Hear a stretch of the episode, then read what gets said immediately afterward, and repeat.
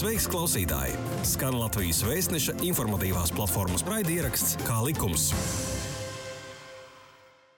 Sveiks! Tu klausies raidierakstu kā likums, un ar tevi kopā Signāla Aizāne. Šodien mēs runāsim par transporta līdzekļiem, papildu apgaismojumu uzstādīšanu automašīnai, piekabes āķa pielikšanu vai busiņa pārveidošanu par kemperi. Kas no tā visa skaitīsies transporta līdzekļu pārbūve?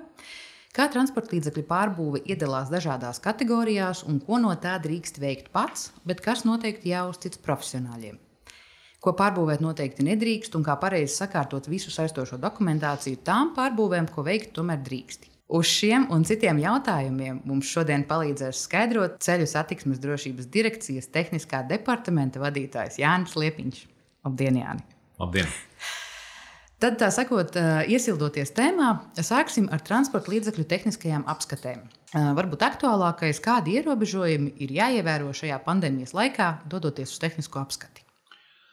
Jā, nu droši vien pandēmija ir viesusi savu veidu izmaiņas mūsu pakalpojumā. Un, ja kādreiz mēs no savas puses ļoti, ļoti centāmies iet pie klienta, teiksim, tā, un, un ar viņu būt tieši ciešā kontaktā, tad šobrīd pandēmija ir ieviesusi diezgan radikālas izmaiņas. Un, un faktiski mums ir jāsaka tā, ka uh, mēs lūdzam klientus uzgaidīt ārpus uh, tehniskās apskates stacijas. Ko tas sevi ietver? Tas sevi ietver to, ka faktiski jums ir jārēķinās, ka brauciet uz tehnisko apskatu viens pats, neņemiet nevienu līdzi. Uh, veiciet maksimāli visus maksājumus, ko jūs varat pirms tam mūsu e-pakalpojumos. Tātad e.cdd.lv jūs varat apmaksāt visu par tehnisko apskati. Un, attiecīgi, tad tikai ierodoties tehnisko apskati, pirms vārtiem lūgums atvērt automobīlim visus logus un arī sasprādzēt visas drošības jostas. Tādējādi pirmkārt samazināsies tas laiks, ko mūsu darbinieks patērēs automobīļa aplūkošanai. Otrakārt, arī automobīlī būs visu laiku svaigs gaiss un būs, jā, būs mazāk jāuztraucās pašam par savu veselību. Noteikumi par transporta līdzekļu valsts tehnisko apskati un tehnisko kontrolas ceļa nosaka kārtību, kādā tiek veikta mehānisko transporta līdzekļu un to piekabju valsts tehniskā apskate. Kas tad ir tās lietas, ko pārbauda tehniskajā apskatē, un vai pēdējos gados uh, ir kas būtiski mainījies? Piemēram, par CO2 izmešiem, par apgaismojumiem. Uh, es teiktu, tā, ka uh, ierodoties automobilim uz tehnisko apskatu, šo automobili aplūko visu. Un tad parādās tāds droši vien um, nu, apakšjautājums, kas tad ir viss. Un, un, un, lai atbildot uz to, tad es teiktu, ka viss, kas ir konkrētam automobilim. Nu, tātad, ja mēs palūkojamies uz automobili, kas ir kravas automobilis, tad skaidrs, ka šādam automobilim nebūs pasažieru sēdvietas, kuras atkal skatīsies, piemēram, pasažieru pārvadāšanai paredzētam automobilim. Bet, ja mēs tā palūkojamies, nu, tad nu, teiksim, tāds uh, pamats, ko tad skatās? Tātad skatās, vai visas ierīces darbojās, skatās, vai automobilis, teiksim, uh, attiecīgi ir ekoloģisks, tātad vai tur nenotiek kaut kādi šķidrumi, vai atgāzes ir korektas, pār, pārliecinās, protams, par pašām bremzēm. Un arī attiecīgi pārliecinās par balstiekārtu un vispār, vai šis automobilim nav sarūsējis virsbūve. Nu, tas tā lielos, lielos pavisam vilcienos, ko mēs automobilim skatāmies. Un tad atkal uh, seko nākošais, cik ir jauns šis automobilis. Tātad, jo jaunāks automobilis, jo vairāk tiek pievērsta uzmanība tā saucamajām šīm automobīļu pašdiagnostikas sistēmām, cik tās ir uh, korekti darbojās, un vai jau nav konstatējuši kaut kādas neatbilstības automobīļa nu, teiksim, darbībā.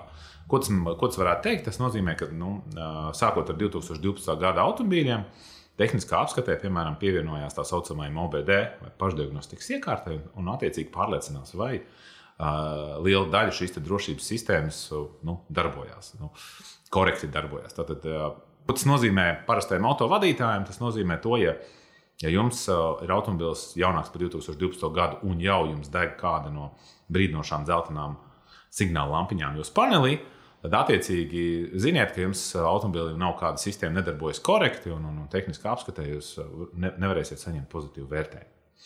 Tieši tāpatās arī var gadīties ar vecākiem automobīļiem. Ceļš tas ir saistīts ar automobīļiem, kur uz paneļa jums iedegās dzeltenā lampiņa, kas ir saistīta ar atgāzu teiksim, sistēmas darbību, tā to nosauktu. Uh, Tas nozīmē, ka, ja tehniskās apskates darbinieks nevar nu, teiksim, redz šo te dzelteno lampiņu, kas attiecās uz, uz, uz atgāzes sistēmas darbību, tas nozīmē, ka šo automobili nevar pilnībā gāzēt, lai droši pārliecinātos par, par automobīļa atgāzes parametriem. Un, attiecīgi, jūs arī šajā gadījumā varētu nesaņemt nu, teiksim, pozitīvu tehniskās apskates uzlīmi. Nu, es teiktu, tas tāds varbūt tās tāds pavisam būtiskais, ja mēs skatāmies starp automobīļa aprīkojumu vai teiksim, viņa komplicētību un attiecīgi ar automobīļa vecumu. Kopumā pārējais jau automobīls ir tāds četriteņu transporta līdzeklis, kurš pārvietojas priekšā ar motoru un tad attiecīgi pārbauda šos riteņus, pārbauda šo virsbūvi un pārbauda arī motoru. Nu, un, protams, lai viņš būtu redzams ar gaismām. Ko darīt gadījumā, ja vadītājs, respektīvi īpašnieks, nepiekrīt apskates vērtējumam? Es saprotu, ka tā procedūra ir specifiskāka nekā es tagad aizbraucu mājā, sadusmojos, un tagad es braukšu atpakaļ un sāku stāstīt, ko jūs man esat nepareizi izdarījuši. Jā, nu, dzīvē situācijas ir, ir ļoti dažādas. Un, un, un tāpēc CSDD no savas puses ir mēģinājis rast tādu um, cilvēkam viscilvēcīgāko šo te um, veidu, kā viņš var paust nu, savu nezinu, savādāko viedokli par to, ka, tas, ka, ka kaut kas automobīlim ir piešķirts. Es negribu teikt pareizo vai nepareizo, nu, tas ir savādākais viedoklis. Tātad, attiecīgi, uh, būtu jārod iespēja, kā pārliecināties, vai tiešām šīs bažas, ka kaut kas nav korekti, vai kaut kas nav tā, kā klients ir domājis, uh, ir, ir pareizi novērtēts. Un tad, attiecīgi, gribētu vērst uzmanību klientiem. Tātad, Jums ir divi veidi. Tātad pirmais veids, ja jūs jau zinat uzreiz tajā brīdī, kad jūs saņemat tehniskās apskates protokolu, un mūsu darbinieks jums ir izskaidrojis, nu, tātad, kāda ir konstatētas teiksim, automobīlī neatbilstības vai defekti. Uh, teiksim, šajā pašā momentā jūs saprotat, ka kaut kam jūs nepiekrītat. Nezinu, iespējams, jums iepriekšējā vakarā esat kaut ko pārskrūvējis, vēl kaut ko. Jūs droši varat uh, tajā pat uh, brīdī vērsties pie mūsu tehniskās apskates inspektora mūsu darbinieku un, un, un lūgt viņam nu, teiksim, uzsākt šo procedūru, ka jūs nepiekrītat. Ko tas nozīmē? Tas nozīmē, ka darbinieks pieaicinās tehniskās apskates stācijas vadītāju, kurš atnāks un vēlreiz pārliecināsies par konkrētā punkta teiksim, atbilstošu novērtējumu. Un, attiecīgi, tad arī pieņems lēmumu, vai nu tas būs teiksim, par labu klientam, vai nu tas paliks nemainīgs, tādu kādu to vērtējumu jau piešķīris jau tehniskās apskates darbinieks. Tas ir tas pirmais posms, tātad, ja jūs kaut ko konstatējat, kamēr vēl neesat aizbraukuši prom no tehniskās apskates stācijas. Tad, protams, ir otrā, otrais veids. Tas ir tas, ja jūs gadījumā aizbraucat prom no stācijas, vai nu, ir arī situācijas, ka, piemēram, tādā nākamā dienā jūs. Nu, tā, pirmais, ko jūs tajā pašā dienā konstatējāt, aizbraucot mājās, Uh, tikpat labi jūs pēc vienas vai divām dienām esat konstatējis, piemēram, atdodot automobīlu servisā, un jums it kā kaut ko tur varbūt tās pie pieņemšanas saka, ka nu, kaut kas tur līdz galam nav korekts. Tad jums ir tas otrs variants. Jūs rakstiet iesniegumu, bet uh, būtiskākais, kas ir jāņem vērā, nedrīkst būt pagājušas ilgāk par piecām dienām.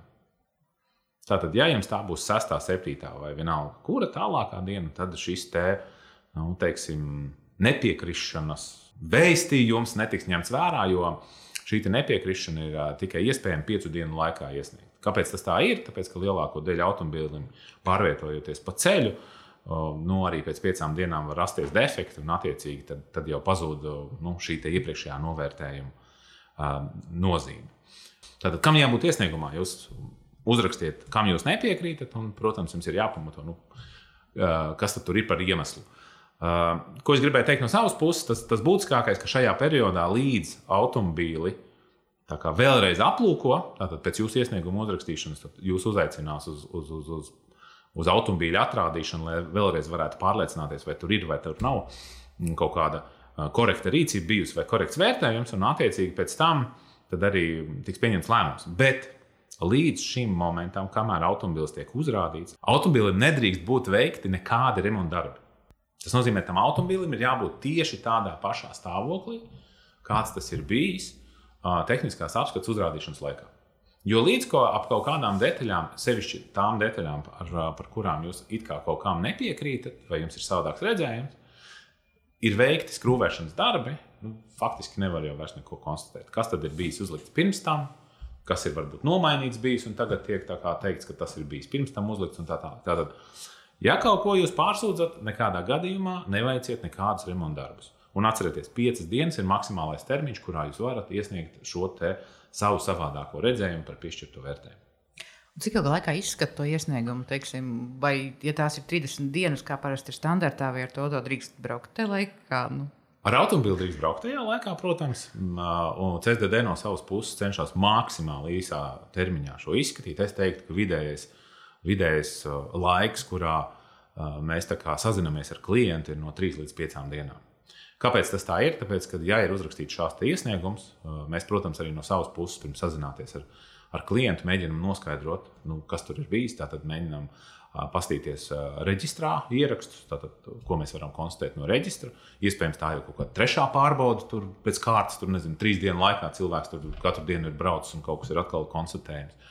Tikpat labi mēs pārliecināmies par, par, par to, ko mēs redzam video ierakstā. Tad, attiecīgi, kā mūsu darbinieks ir rīkojies, un varbūt mums jau ir tajā brīdī kaut kāds priekšstats par to, ka varbūt tās tiešām kāds kaut kur ir kaut ko kļūdījies.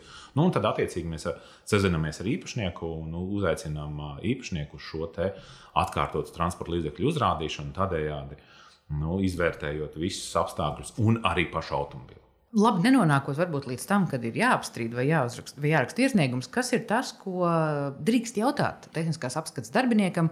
Tajā brīdī, tad, kad skate ir, nu, tagad saproti, jau iziet, tu vairs neej līdzi, bet tad, kad ir iziet, lai paskaidrotu, varbūt vienkārši nesaprati, par ko tev ir ielikts tas viens vai divi. Uh, jā, noteikti, jebkuram uh, ir, ir, uh, ir, ir tiesības uh, nu, teiksim, uzzināt un saprast, uh, par ko tad ir ielikts viens vai otrs kaut kāds vērtējums. Par to nevajag kautrēties. Noteikti vajag jautāt mūsu darbiniekiem.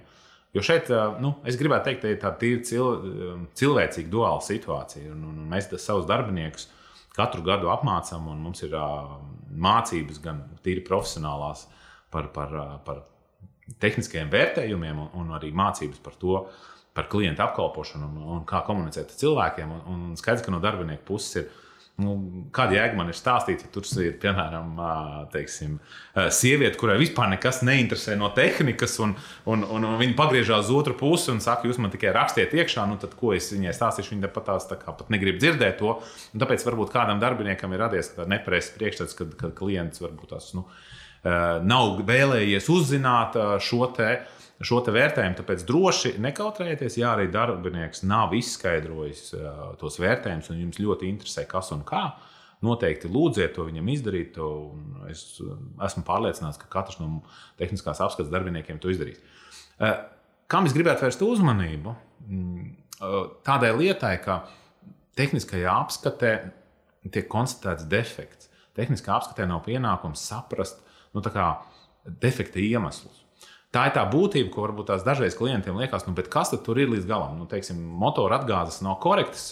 Nu, darbiniekam nav jāmēģina saprast, kas tur ir par vainu. Vai tur ir kaut kāds filtrs vainīgs, nezinu, degviela nepareiza, sveces nepareiza, tur aizdedze nepareiza. Nu, tur vesela virkne ar kaut kādiem mm, nu, šiem te, teiksim, iemesliem motora darbībā, kas varētu to traucēt.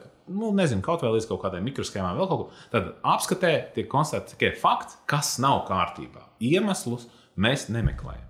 Un tā ir tā būtiskā atšķirība starp servisu un tehnisko apskatu, kad servis jau ķerās klāt un meklē līdz galam, kur tad ir tā problēma un kas tur ir jādara. Labi, tad varbūt noslēdzot šos jautājumus par tehnisko apskati nedaudz no statistikas. Kas tad ir tas, kādēļ visbiežāk neiziet tehnisko apskatu? Vai ir kaut kas tāds, kas ir, nu, kam mēs vismazāk kā autovadītāji pievēršam uzmanību? Jā, nu, es gribētu teikt, ka šis te. Uh, nu, teiksim, pamata defekti, kas tiek konstatēti automobīļiem, pēdējos gados ir gana nemainīgi. Un, teiksim, nepilnīgi 30% no vis, visiem, visiem, visām problēmām, kas automobīļos tiek atrastas, tās ir saistītas ar gaismas ierīcēm. Uh, otrais ir, ir uh, nu, teiksim, tātad, pirmais ir saistīts ar gaismas ierīcēm. To mēs paši labi saprotam. Tas ir pirmkārt redzamība kaut ko uz priekšu, nu, tātad, lai mēs redzētu ceļu, kas uz ceļa pārvietojās, cik tālu mēs kaut ko redzam. Otrakārt, gaismas ierīcēm, lai mēs būtu redzami. Tātad kaut kādas lampiņas nedeg, no sāna mūs var neredzēt, no aizmugures mūs var neredzēt un tā tālāk. Otra lieta, kas ir e, ciešā veidā saistīta ar, ar, ar teiksim, jau drošību pārvietojoties, tas ir bremžu iekārta. Apmēram 20% vai 1,5 daļa no visiem defektiem ir saistīta ar bremžu iekārtām. Droši vien katrs to saprot, ja bremzes nestrādās labi vai nebūs, nebūs gana uh, gana teiksim, nu, teiksim, efektīvas, nu, tad tā bīstamība ir ļoti augsta. Un, un, un, un tad es teiktu, ir tādas divas lietas, kas ir varbūt tās savstarpēji saistošas. Viena ir tā saucamā balstiekārta, tad viss, kas nodrošina, lai automobils ērti, maigi pārvietotos pa ceļa virsmu, un otra lieta, protams, ir automobils um, nu, teiksim, pret mūsu ārējiem apstākļiem, kas ir saistīts, protams, ar, ar, ar, ar rūsēšanu, plīšanu, plaisām un, un, un tā tālāk un vispārējo.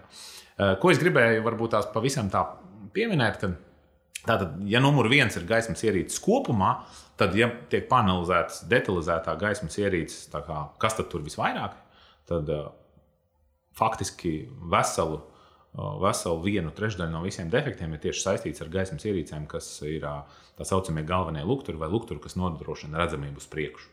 Tātad šeit katrs var pievērst uzmanību. CSDD arī ir taisījis tādus klipiņus, un sevišķi šajā jau tumšajā periodā, kas, kas ir, manuprāt, vēl būtiskāk, jo ļoti agri paliek tumšs un, un, un tām gaismas ierīcēm, nu, teiksim, gaismām, kas spīd uz priekšu, tuvām un tālām, būtu jābūt pēc iespējas labāk, kā, gan degošām, nu, kvalitatīvām. Un, un, un, un tā CDD klipiņā ir rādīts, ka jebkurš autovadītājs var piebraukt pie jebkuras plakanas nu, sienas un paskatīties, vai gaismas ir gana spilgts, arī pēc viņa redzējuma. Un, protams, arī paskatīties, vai viņas ir plus mīnus vienā līnijā. Nu, tātad, vai nav tā, ka kāda gaisma ir pavisam uz leju nokritusi, vai arī otrādi, ka kāda ir pacēlusies uz augšu un tādējādi ir iespējams potenciāli apžilbināt pretim braucošo. Pavisam vienkārši lieta, neko tas daudz neprasa. Pat var lielveikala stāvvietā iebraukt, bet nu, to var izdarīt. Princips pavisam vienkārši. Ja jūs redzat, ka kaut kas nav vienā līnijā, jums, tad noteikti dodaties uz servisu, lai sakārtotu šīs lietas, ja pašam nav pietiekušas zināšanas. Labi, sarunā esam iestildījušies. Varam pāriet tālāk pie pārbūvēm.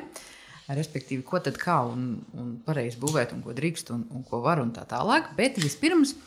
Kādi normatīvi akti tad ir jāizlasa? Kas ir vispirms jāizlasa, jāiemācās, jānoskaidro, lai saprastu, kur es vispār varu ķerties klāt? Jo man te radās tāds labs piemērs, nu, es nezinu, es gribu Karlsona propelleru, piemēram, savu, savu auto uz jumta.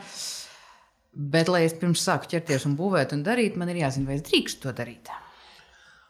Nu, jā, šis ir tāds, šī ir tāda sfēra, kur diezgan daudz tiek saņemti. Nu, tā, pārmetumi, varbūt, vai, vai tādi mm, nesapra, komentāri ar neizpratni par CSDD darbību, kāpēc ir tik ļoti striktas šīs te, mm, strikti nosacījumi attiecībā uz automobīļu pārbūvi.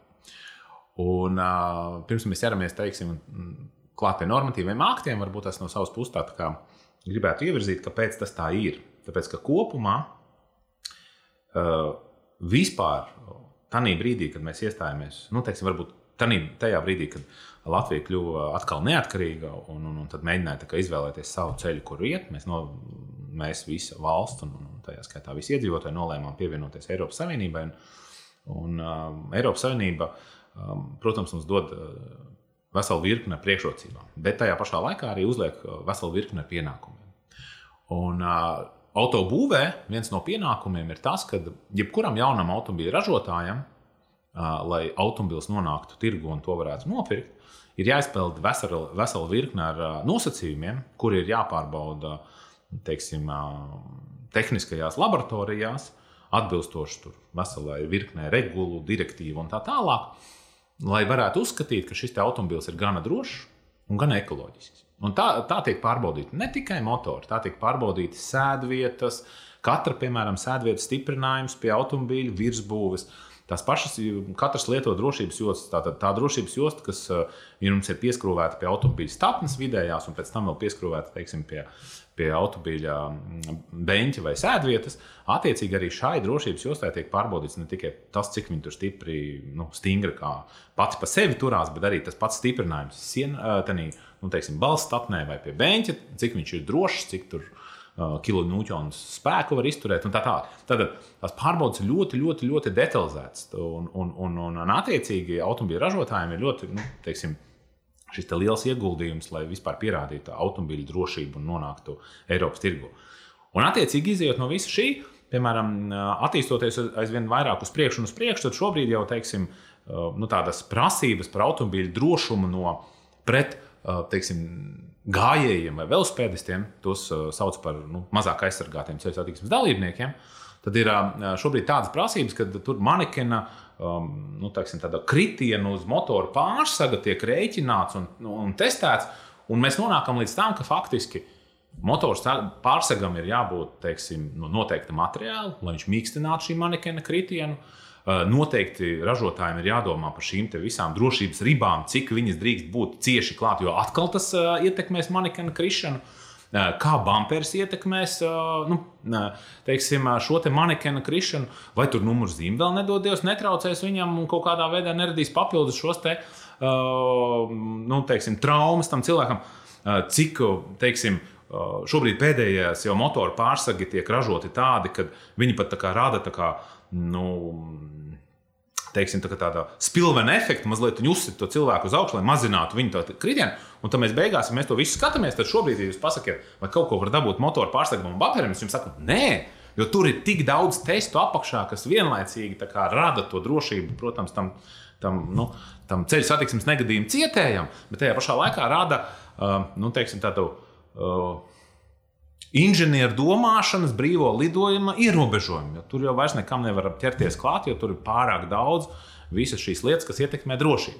Tāpēc es varbūt tās gribēju teikt, ka jā, nu, ar katru dienu aizvien uh, mazinās inženieru radošās pieejas iespējamība automobīļu būvē. Jo automobīļu būvē šobrīd ir ja mēs tā paskatāmies globāli, ļoti straujiem soļiem tuvojas tā saucamajiem autonomiem automobīļiem, kur automobīls pats pārvietojas, un mēs tikai sēžam iekšā, varbūt tās lasām žurnālu vai, vai dzeram kafiju. Uh, uh, tāpēc es teiktu tā, ka ar automobīļu šo izmainīšanu no tā momenta, kāds viņš ir bijis saražots, un, un, un, un, un pēc tam, ja vēlās kaut ko izdarīt, uh, Ir jābūt ļoti uzmanīgiem, tāpēc vajadzētu noteikti sākt ar to, ka uh, pastīties, kādi nosacījumi ir tā saucamajos ministru kabineta noseikumos, kas saucos transporta līdzekļu pārbūves noteikumi. Un, un, un, un tur teiksim, būs galvenās vadlīnijas. Uh, tur būs aprakstīts gan, ko drīkstētu pārbūvēt, cik veciem automobīļiem, ko drīkstētu pārbūvēt vai izmainīt. Es droši vien labāk teiktu tā, izmainīt kaut ko automobīlim. Un, un, un tajā pašā laikā jums vienmēr ir jāatcerās, ka šie pārbūves noteikumi nosaka taksim, tādas tā galvenās vadlīnijas. Un, un tālāk seko faktiski tas tā šķēre, ka jebkurā gadījumā, ja arī šī automobīļa izmainīšana ir atļauta, tad pēc tam tam automobīļa gala stāvoklim, pēc izmainīšanas vai pēc pārbūvēšanas, ir jāatbilst vai nu tehniskās apskates noteikumiem, vai jāatbilst certifikācijas noteikumu prasībām. Nu, attiecīgi, jūs nevarat uzlikt uh, Karlsona propelleri uz, uz, uz, piemēram, aizmugurē vai priekšā uh, pirms bumpera, jo tas nonāks klajā pretrunā ar certifikācijas noteikumiem, kur ir tieši orientēti uz, uz satiksmes dalībnieku drošību. Nu, tad, attiecīgi, tur ir visas šīs asās malas, var savainot uh, cilvēkus un tā tālāk. Nu, tātad, pamatā tas bāzējās uz trīs noteikumiem. Bet jāsāk ar pārbūves noteikumiem, kur, kuros jūs vispār varat sākt saprast, ko jūs varat un ko jūs nevarat darīt. Ja es pareizi saprotu, ir pirmās, otrās un trešās kategorijas pārbūve. Un, ja pirmajā un otrajā kategorijā pārbūve vēl var veikt pats, nu, jau ir cilvēks pietiekami zinošs tehniskajā jomā, tad, uh, un tas obligāti nav jāuztic certificētam speciālistam, tad uh, kādus dokumentus ir nepieciešams sagatavot šādos gadījumos? Un vai, ja pārbūve persona var veikt pati, uh, vai arī dokumentus viņa ir spējīga sagatavot pati. Un, teiksim, vai pirmajā kategorijā arī ir jābūt kādiem dokumentiem nu, no šādas puses skatoties? Uh -huh. uh, jā, varbūt tās es no savas puses sākumā pieminēšu par to pirmo, otro un trešo, lai varbūt tās nejuktu, kas tad zem šiem mistiskajiem skaitļiem slēpjas. Tātad faktiski ir tā, ka uh, pirmā un otrā uh, pārbūve attiecās uz jebkuru individu kurš grib veikt savam automobīlim izmaiņas. Atkarībā no izmaiņu sarežģītības ir vai nu pirmā vai otrā kategorija. Individs tas ir vai nu juridiska persona, nu, teiksim, kaut kāds uzņēmums, vai arī fiziska persona. Tātad pirmā kategorija tas ir vienkāršāks pārbūves, otrā kategorija tas ir sarežģītāks pārbūves, bet, lai saprastu, kura būtu teiksim, jūsu konkrētā pārbūve, tad jums būtu jāpaņem šie pārbūves noteikumi, un tajos ir nu, sa sagrupētas šie pārbūves veidi. Tātad, nu, ja jums tur ir motoru maiņa, kur nemainās kaut kādi nosacījumi, tad attiecīgi tā var būt pirmā kategorija. Bet, ja jums jau kaut kas mainās, tad, tad ieraugot to, kas jums mainās, tad attiecīgi tā būtu otrā kategorija. Ar ko atšķirās pirmā no otrās kategorijas praktiski? Praktiski tas nozīmē, ka pirmajā kategorijā jūs varat veikt automobīlim kaut kādas šīs izmaiņas vai pārbūves, doties uz tehniskās apskates staciju, kur jums veiks ekspertīzi, un attiecīgi pēc tam jūs saņemsiet teiksim, rezultātu, kuru jūs jau nofiksēsiet reģistrā ar jūsu attiecīgās reģistrācijas apliecības maiņu. Otrā kategorija atšķirās no pirmās ar to, ka pirms doties uz tehniskās apskates staciju, jums būs jāizstrādā teiksim, pārbūves projekts, kurā jūs jau pamatosiet šo sarežģītāko pārbūvi vai nu no ar aprēķinu, ar rasējumu, ar, ar, ar kaut kādu detaļu, teiksim, detalizāciju, lai varētu saprast, vai šī sarežģītā pārbūve atbilst vai neatbilst, nu, teiksim, atkal kārtīgi reizi vai nu drošības, vai nu ekoloģijas prasībām. Nu, lūk, tā, tas ir tāds pa pirmo un otro kārtu. Trešā pārbūve, tā faktiski attiecās uz uzņēmumiem, kuri grib sākt nodarboties ar biznesu, kas saucas pārbūve. Tātad, ja kāds grib, piemēram, uh, sēriju veidā vai uh, daudz klientiem piedāvāt kaut kādu pakalpojumu, nu, kā gāzes iekārtas uzlikšana parā, parastai benzīna mašīnai. Tad tādā gadījumā šim uzņēmumam ir jāver vaļā noteikumi, jāstāsta, kāda nosacījuma ir šai, šai, šai trešajai kategorijai, kas viņam ir jāizpild, lai viņš varētu pretendēt uz šādām tiesībām. Tajā gadījumā, protams, viņam būs jāizstrādā savi jau uzņēmuma noteikumi, garantijas noteikumi un tā tālāk, lai, lai tie klienti, kas pie viņa vērstos, varētu būt, justies droši arī jāpierāda savu darbinieku kompetenci, kurus darbus viņi plānos darīt, un tā tālāk. Tātad būtiskākais trešā kategorija neatiecās uz individu, bet jau uz uzņēmumiem, kas grib nodarboties ar pārbūvi, kā nu, teiksim, sēriju veidu biznesu. Tas nozīmē, ka, nu, piemēram, ja es kā indivīds gribu kaut ko pārbūvēt šādā kategorijā, es dodos to konkrēto uzņēmumu, kurš to dara. Un tas viss notiek, respektīvi, atstāja vienkārši savu mašīnu. Jā, tā, un tā būs tā trešā kategorija. Tieši tā. perfekti, pareizi un pēc noteikumiem. Tieši tā. Un, un, un, un jums vienīgais, kā jums, kā individam, klientam, būs jāatbrauc uz, uz CSDD, jāuztais uh, agregāta numuru salīdzināšana, lai tiešām konstatētu, ka ir veikta šāte, šī pārbūve. Reģistrā jau būs ievadīta visa no šī pārbūves uzņēmuma, būs ievadīta visa, visa informācija, un attiecīgi jums tiks nomainīta reģistrācijas apliecība. Okay. Eh, es saprotu, ka ir virkni uzlabojumu, kas neskaitīsies eh, pārbūve nevienā kategorijā. Un, uh, to es saprotu, arī nav nepieciešams atsevišķi reģistrēt. Kādas, kādi šie uzlabojumi ir? Nu, piemēram, vai tie ir papildus apgaismojuma uzstādīšana, vai piekabes āķa pielikšana, vai nu, tas ir pilnīgi tālākajā galā busiņa pārveidošana par kemperi, lai braukātu apkārt. Nu, jā, nu, uh, faktiski es gribētu teikt tā, ka uh, nu, mm, jebkurā gadījumā. Uh, cilvēks, kuram gribās savu automobili kaut kādā veidā ar kaut ko papildus aprīkot, eh, pēc normatīviem ir pilnīgi brīvs lauks. Var darīt jebkurš, un, un, un faktiski neko neierobežo, izņemot to, cik daudz ierobežo šī normatīvā akta. Bet, protams, ja nav zināšanu, nu, teiksim, kaut kādā tehnikas jomā ir gana grūti izpildīt kaut kādas noteiktas prasības. Nu, teiksim tā, Uh, tīri no normatīvu aktu prasībām var uzstādīt papildus lukturus. Un tad ir jāver vaļā teiksim, tehniskās. Nu, teiksim, tā nav pārbūve. Es gribu uzlikt sev tur kaut kādas papildus gaismas. Ļoti labi.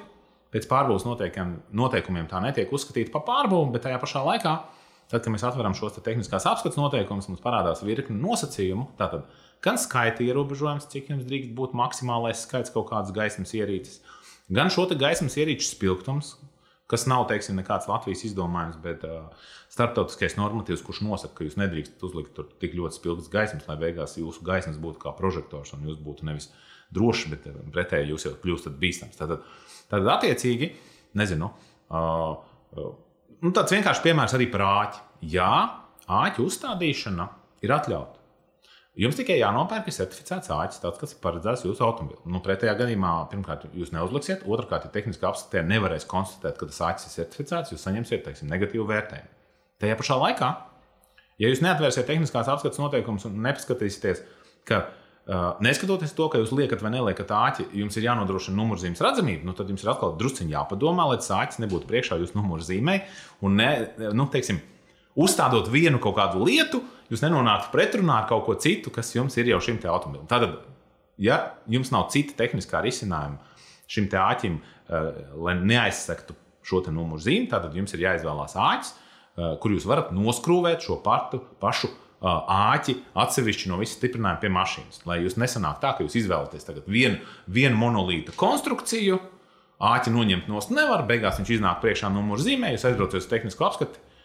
Un šeit jums bija. Tad jums nesaņemat pozitīvu vērtējumu, un jums ir uzreiz tāds rūkums sirdī par to, ka pret jums ir nostājuši. Tāpēc saku, it kā var darīt visu, bet ļoti uzmanīgi ir jāmēģina saprast, vai tas nerada kaut kādas papildus sekas. Nu, protams, ja jūs redzat, ka tur nekas jums priekšā ir nezinu, nekādas numuru zīme nav, nekādas apgaismojums nav, ka ja jūs uzstādiet to āķi, nu tad, tad, tad jūs varat noteikti justies drošāk un izvēlēties pašam, kāds tur labāk patīk, vai kādās atkal, teiksim, kas kuram pēc maksāt spējas ir tuvāks un atbilstošāks. Bet, jebkurā gadījumā, līdz ko kaut kāds aprīkojums ir saistīts ar kaut ko, jums ir noteikti uzreiz jāiepazīstās, kādā veidā tas var skart kaut kādu virkni citu lietu.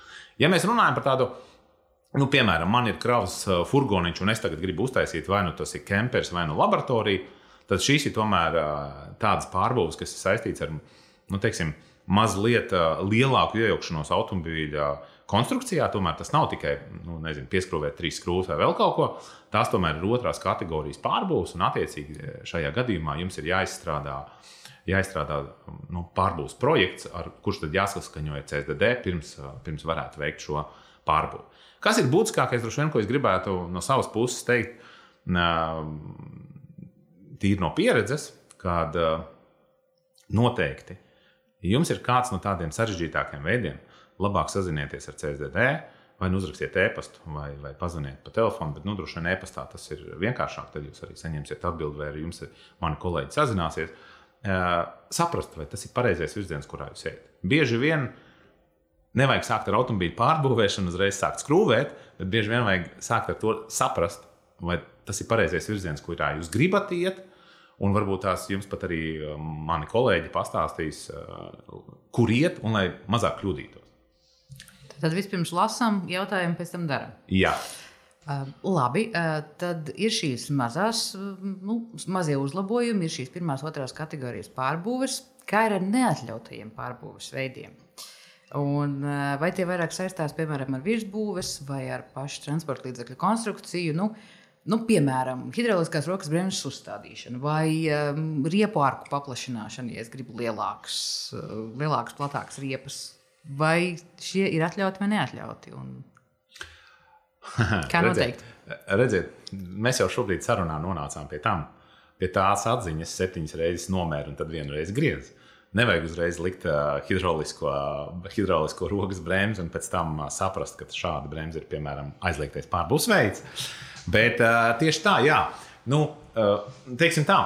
Lielākoties šie aizliegtie pārbūves veidi ir saistīti ar, ar iejaukšanos kaut kādās um, pamata vai galvenajās automobīļu konstrukcijās. Nu, ko tas nozīmē? Kā jau es sarunas sākumā teicu, ka faktiski pārbūve ir cieši saistīta ar certifikāciju. Tad, tad attiecīgi, uh, lai automobilis varētu sākt braukāt pa, pa Eiropas pa ceļiem, ir jāveic virkne šiem te testiem, un, un tas attiecās arī uz bremzēm. Un, uh, veicot kaut kādas izmaiņas bremžu sistēmā, neviens nevar garantēt, kādas efektivitāte pēc tam būs tām bremzēm. Un, un tāpēc lielākoties tādas, tādas sistēmas kā bremžu aprīkojums, kā stūris iekārta, tās ir tās iekārtas, kur mēs nu, ar likumdošanu neļaujam spēlēties klientiem pašiem. Nu, tas nozīmē, ka nevar uh, visu stūres mehānismu tagad savākt. Tur viens mehānisma daļa būs no vienas mašīnas, otra no otras, trešā no trešās. Un varbūt tās visas kopā no tās, tā automobīļa, kuram grib uzlikt virsū, vispār neviena detaļa nebūs. Bet nu, pēc izmēriem, plus mīnus kaut kāds caurums izurpsim, turēsies, stūri varēs pagriezt, mašīna arī rīpos priekš. Bet kurš garantē, ka kaut kādā brīdī kaut kas nenotiks? Nezinu, tā pati stūra nenoķīlēs, vai pēkšņi viņai nebūs tas rādījums, kāds ir vajadzīgs, kāds ir testēts un tāpat. Tieši tāpatās tas ir ar bremzēm. Uh, ne, nav atļauts jaukties bremžu sistēmā. Jo tā bremžu sistēma, kas ir testēta, viņi ir testēti. Nu, nav laboratorijā tādas, uh, nu, nav Latvijā tādas laboratorijas, kurās varētu veikt šo pilno bremžu pārbaudi, lai nu, tagad zinātu, uh, kādām tad ir jābūt. Uh, no otras puses, lielākoties hidraulisko bremžu licēju Sveiciens jums visiem. Es, es saprotu jūsu aizraušanos un, un, un kam viņas ir vairāk orientētas, bet nu, sports ir sports. Pārvietošanās publiskajiem ceļiem ir, ir, ir, ir tomēr kaut kas cits. Tāpēc, ja gribam veidot sporta mašīnas, veidojam sporta mašīnas, reģistrējam tās kā sporta mašīnas un izmantojam sporta vajadzībām. Tur ir arī, protams, vajadzīgas šīs hidrauliskās uh, rokas bremzes. Pārējiem uzturam automobīļus tādus, kādus ir paredzējis ražotājs. Un, un cenšamies iekļauties tajās nu, teiksim, robežās, ko likumdošana mums ir ļāvusi darīt, ko mēs varam izmainīt automobīļiem, tādējādi neradot arī citiem bīstamību. Labi, tad varbūt pajautāšu, ko pārbūvēju visvairāk. Nu, man pirmā nāk prātā tās Anglijas automašīnas ar stūrēm, nepareizajā pusē, ja tā var teikt. Bet varbūt ir kaut kas pavisam cits. Jā, es, es, es pirms, eh, pirms mūsu sarunas mēģināju saprast, nu, mm, cik vispār daudz ir tā un sarežģīts mums ir tās pārbūves, tā kā mēģināt apkopot. Un faktiski sanāk tā, ka, nu, piemēram, šogad, līdz novembra mēnesim, oktobra mēnesim ieskaitot, ir veikts apmēram 4000 pārbūves. Nu, pavisam tā, priekšstam. Nu, nedaudz, nemaz. Nu, ja mēs paskatāmies, Nē, ja mēs paskatāmies atkal relatīvi uz, uz autoparku, kurš ir pār 700 tūkstošiem, protams, tad uf, kas ir 4000 vai ne? Bet no otras puses, tas ir 4000 automobīļi, kuri ir kaut ko darījuši. Un, un, un tad, protams, rodas jautājums, nu, kā tas 4000 sadalās iekšēji. Un tad faktiski tā, ka gandrīz vai puse no tiem automobīļiem ir veikuši tā saucamo pirmo kategorijas pārbūvi, vai kas ir ļoti vienkāršā pārbūve. Nu, tātad, piemēram, sēdekļu demontāžu. Nu, skaitās vienkāršais pārbūves veids, tad jūs noņemat beņķus, uzliekat plakanu no grīdas. Jūs, piemēram, gribat piecvietīgu automobili padarīt par, par nu, furgonu. Nu, tad, attiecīgi, noņem beņķus, uzliek uh, cieto grīdu, nav nekādas drošības jostas. Jūs braucat, reģistrējat šo automobili, nu, teiksim, braucat uz ekspertīzi, stācijā pārbaudat, tiešām tas viss kvalitatīvi izdarīts. Un, attiecīgi, jūs varat to pieredzēt. 50% ir šādas vienkāršas pārbūves, kur nav vajadzīgs ne projekts, nekas. Un tad otrs vislielākais īpatsvars ir 35% ir šie automobīļu pārbūves, kas ir saistītas ar, ar trešās puses pārbūves veikšanu. Tā saucamie uzņēmumi, kas ar to jau nodarbojas kā profesionāli pakalpojumi. Nu, un tad pārējie 17% bija tāda veida pārbūves, kas ir saistīts ar projektu izstrādi. Tur iespējams tas ir kaut kāds, kā jūs minējāt, piemēram, dzīvojamā teiksim, pārbūvēšana vai, vai kaut kādu citu. Uh, paskatoties, kas mums ir tāds īpatnējākais, jo tie pārbūves veidi ir ļoti daudz un dažādi.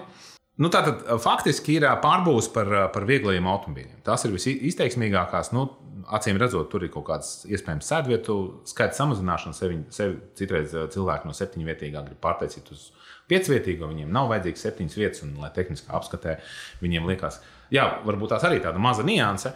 Eh, ko daudzi klausītāji mums uzdod jautājumu, ja ir gadījumā septiņvietīgs automobīls, eh, vai uz tehnisko apskatu ir jāierodas ar visām septiņām vietām automobīļa. It kā vienkārši jautājums, nu, jebkurš tur nezina, šārāns transportieris vai vēl kaut kas, kuram ir septiņas vietas, vai tiešām jābūt visām. Tātad eh, tehniskā apskate obligāti ir jāuzrāda divas sēdvietu rindas. To katrs, lai atcerās, tad nav obligāti jāmeklē, jāskrien uzreiz, nav pēkšņi nezinu, salūza pēdējā sēdvietu rinda, vai, vai mašīna bija pieregistrēta ar, ar, ar, ar, ar septiņām vietām, bet pārdevējs jums iedeva tikai piecas vietas, nu, piecas sēdes. Nu, nav jāskrien pie kaimiņa un jāprasa un jāizņemās šī vēl viena sēdvietu rinda, bet jūs droši varat braukt. Bet divām sēdvietu rindām ir jābūt uzstādītam automobilim, lai tas automobilis būtu kā pasažieris. Nu, jā, Uh, bet nu, tāds, uh, es teiktu, ļoti izteikts pārbūves nav. Viņas ir diezgan minimālas, bet ir diezgan daudz uh, pārbūves par kravas furgoniem vai kravas kastēm. Ko tas nozīmē? Tas nozīmē, ka uh, vai nu tiek mainīta iepriekšējā uh, kravas mašīnai uzstādītā virsbūve, ņemta nost, piemēram, furgons un likta kravas kaste, vai arī, uh, piemēram, kravas šasija, nu, kādas bieži vien tiek arī nopirktas, kad, kurai vispār nav nekāda virsbūve, tiek kaut kas uzlikts virsū. Un, un tā arī tiek uzskatīta par pārbaudu. Nu, eh, ja mēs runājam teiksim, par šo gadu, tad tā saucamās angļu mašīnas uh, ir pārbūvētas ar stūri pareizajā pusē, faktiski tikai 120. Tā kā nekas tāds daudz nav. Uh, ir tāds varbūt tās mazliet interesantāks cipars, ir 77 auto vadītāji, kuri ir izvēlējušies angļu mašīnas pielāgot.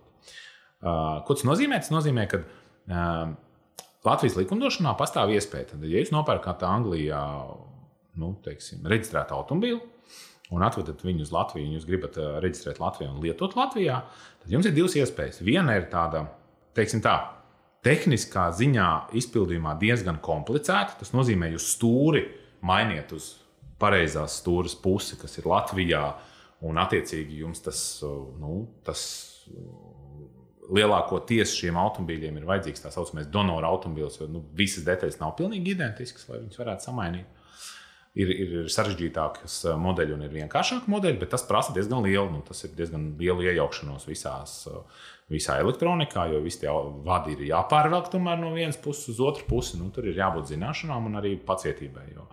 Es zinu arī pazīstamos cilvēkus, kas ar to ņēmās. Visiem likās, ka tas ir vienkāršāk, bet beigās tas izskatījās diezgan, diezgan traki. Jo.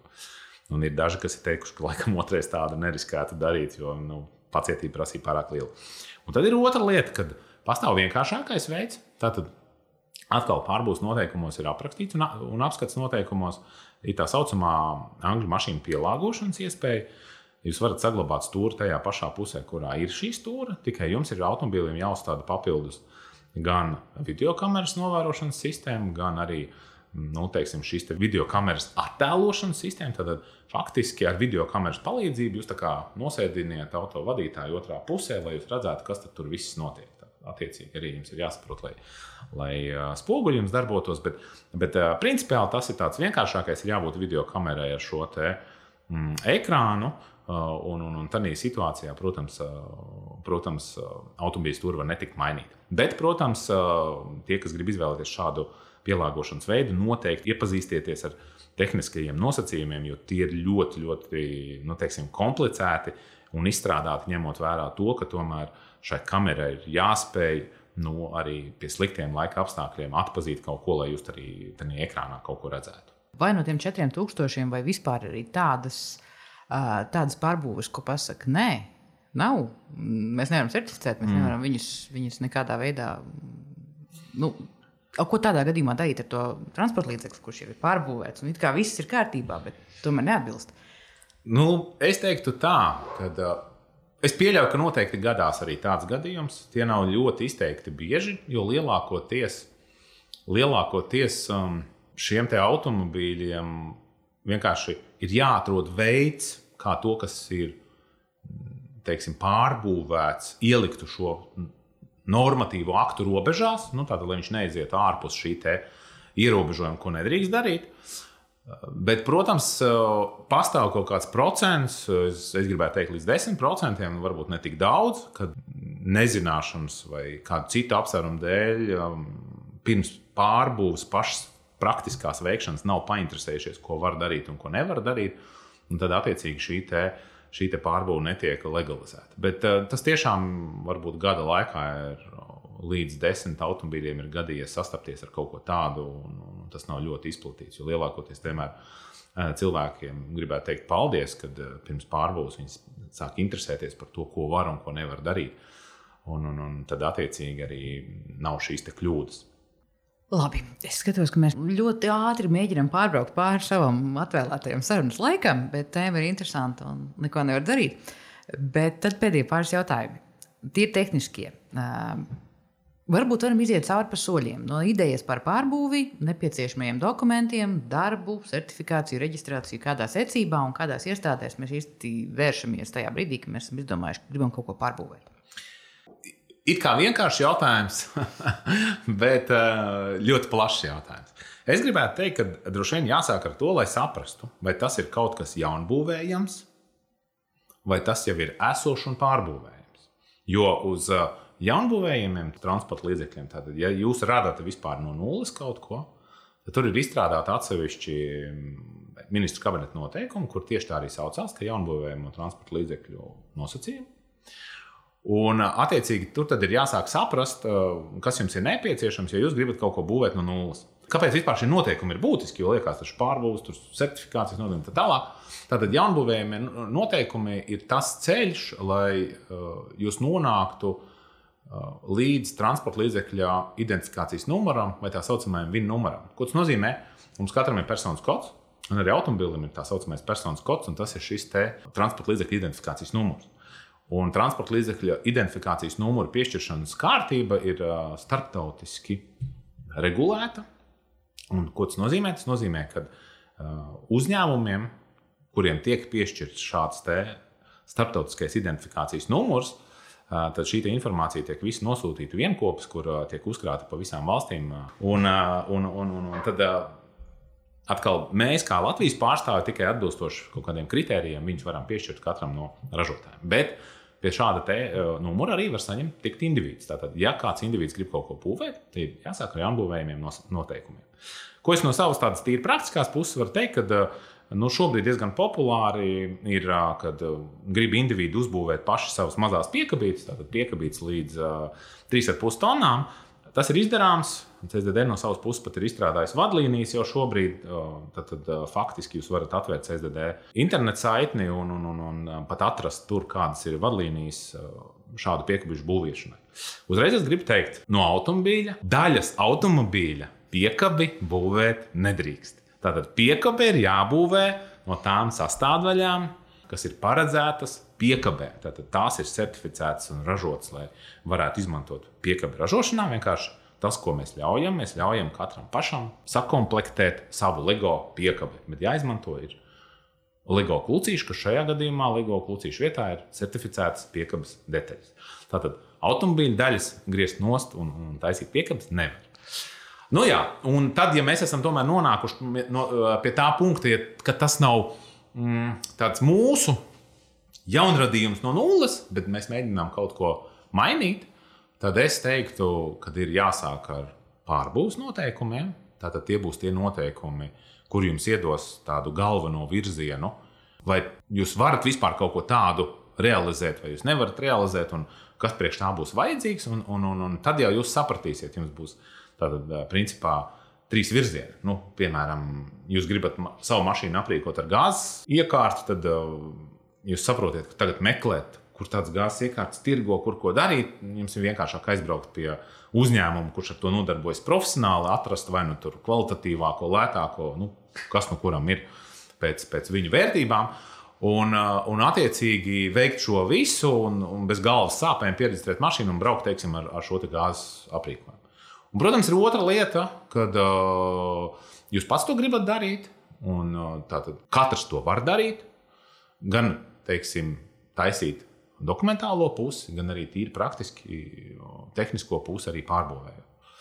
Lai gala rezultāts būtu labs, protams, jums vajadzētu ieteikt tādu kādu tehnisku, tehnisku konsultantu, kas jūs ievirzītu pareizajās sliedēs. Nu, un tad ir šis vienkāršais veids, atkarībā no sarežģītības pakāpes, vai nu jums ir ielikās vēl jāuztaisa dokuments, tā saucamais pārbūves projekts.